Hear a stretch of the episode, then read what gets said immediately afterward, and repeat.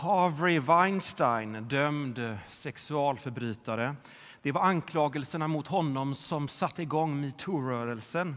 Och om vi ska känna in på bara huden hur explosiv och provocerande Jesus är så kanske vi ska föreställa oss Jesus sittande i Harveys cell och erbjudande honom levande vatten. Hur kan han? Jesus var inte så bekymrad av guilt by association. Skuld genom association var ju hans kallelse.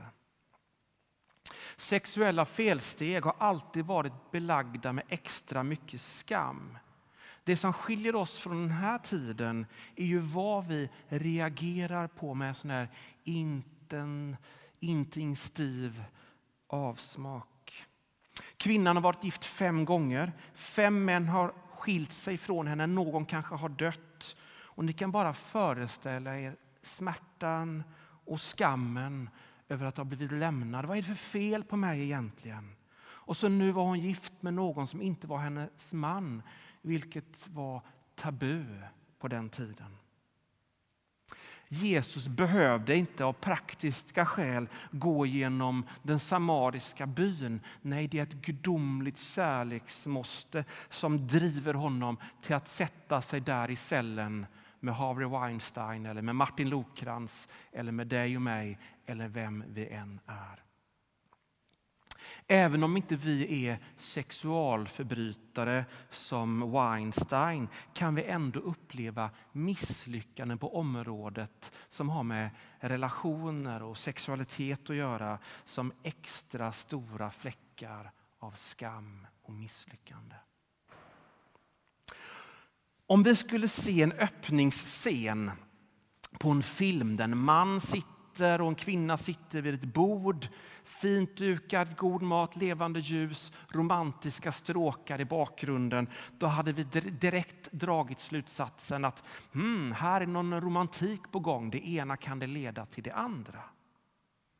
Att en man möter en kvinna vid en brunn är ett återkommande mönster i Bibeln som leder till romans och äktenskap.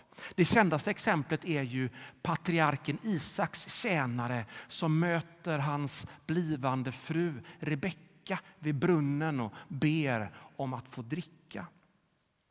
Jesu möte med den samariska kvinnan är romantiskt laddad. Jag menar naturligtvis inte att Jesus stöter på kvinnan, bara att läsaren får de associationerna när det här målas upp. Det första undret som Jesus gör i Johannesevangeliet sker på ett bröllop när Jesus förvandlar vatten till vin. Och därför så skapar evangelierna är skriven som en symfoni. Och nu ligger detta med romantik och äktenskap som, och, och bröllop som en fond i bakgrunden. Vad ska hända? Varför denna bakgrundsmusik? Kvinnan förstår inte vad Jesus pratar om. Hennes missförstånd är en bild för allas vårt missförstånd. Den som dricker av det här vattnet blir törstig igen. Vi tror att det som ska släcka vår djupaste törst är det som finns i världen. Det är som om Jesus pekar på all världens rikedom.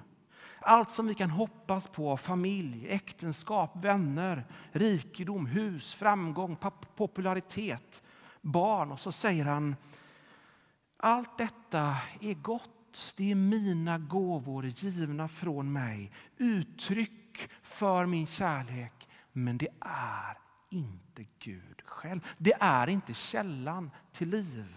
Det är kanaler, men det är inte det levande vattnet självt.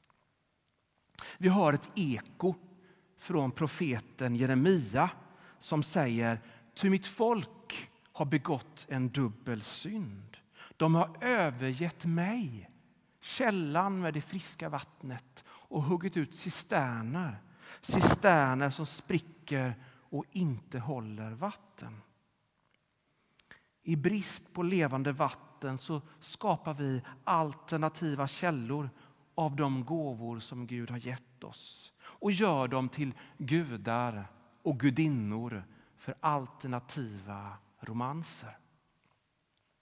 Nu har vi de romantiska stråkarna i högre i bakgrunden och hjälper oss att förstå att vår längtan, vår törst efter att träffa någon, att få något att fylla vår tomma själ med pekar mot en större romans, romansen som vi skapade för med Gud. Jesus säger, gå och hämta din man. Jesus rör vid kvinnans längtan, hennes sorg, hennes skam, hennes sår och kanske även hennes skuld. Det är svårt att föreställa sig smärtan av att bli avvisad och bortstött om och om igen.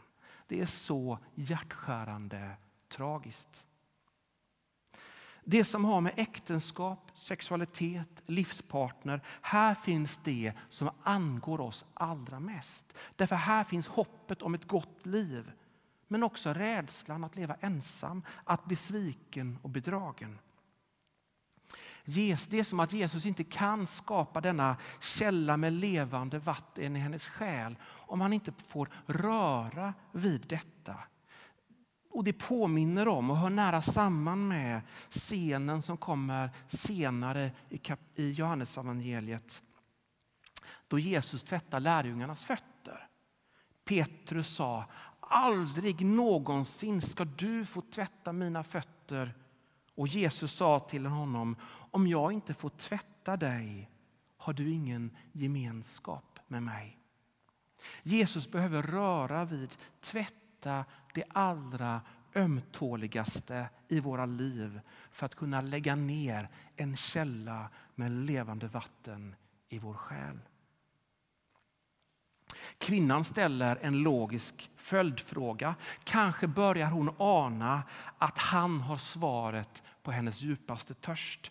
Alltså, var ska man tillbe Gud? Alltså, var ska man finna honom, lära känna honom, se honom som är källan till all godhet, skönhet och kärlek?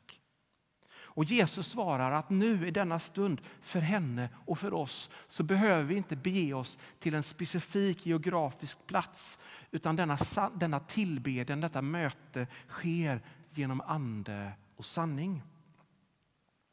Jesus har talat om det levande vattnet som släcker den djupaste törsten och ger evigt liv. Vi tar emot denna källa från Jesus. Och denna, detta vatten är den helige Ande.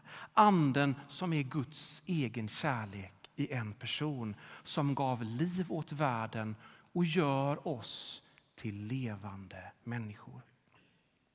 Att be i anden betyder att Gud inte bara är utanför oss utan lever i oss som en levande källa och ber i oss. Vår tillbedjan sker inte bara från oss till Gud utan genom att vi är indragna i Guds eget inre liv. Vi är förenade med honom som i ett äktenskap. Nu har de romantiska stråkarna nästan höjts till högsta volym. Mötet vid källan håller på att leda fram till ett äktenskap. Att tillbe Gud är att känna honom, att vara förenad med honom. För han är i oss och vi är i honom. Att tillbe Gud i sanning innebär att vara sann, alltså vara trofast mot honom som de äkta makarna i ett äktenskap som inte skaffar sig alternativa källor och romanser. Till sist säger kvinnan, Messias ska låta oss veta allt. Och Jesus svarar, det är jag, den som talar till dig. Jesus anspelar på det gudomliga gudsnamnet Jag är som Gud uppenbarade för Mose. Med andra ord, Jesus är Messias, den som låter oss veta allt. Jesus är också den som är Gud själv. Han är källan, han är den som ger vattnet, den helige Ande. Han som är, jag är, Gud själv, källan till livet. Han står nu framför kvinnan. Han visar sitt ansikte som en brud lyfter slöjan för sin brudgum. Det är som att Jesus säger, jag är den som du alltid har sökt och längtat efter. Jag är kärleken du sökt. Jag är den som ser dig, som känner dig, som älskar dig. Det är jag, det är jag, det är jag. Jesus går ut till vem vi än är och vad vi än har gjort. Det finns ett gudomligt kärleksmåste för Jesus att gå till oss där vi sitter, kanske ensamma vid vår brunn. Jesus drabbas därför av guilt by association och det är precis vad som är meningen. Det är så hans kärlek ser ut. Han låter sig smittas av vår skuld och bära hundhuvudet för vår skam. Det är så han friar till oss, genom att ge sitt liv för oss. Det är så han ger oss det levande vattnet. Det blev ett bröllop till slut mellan kvinnan och Gud själv. Efter alla år av att ha blivit bortvald, förkastad och förskjuten så möter hon en man som säger jag vill ha dig.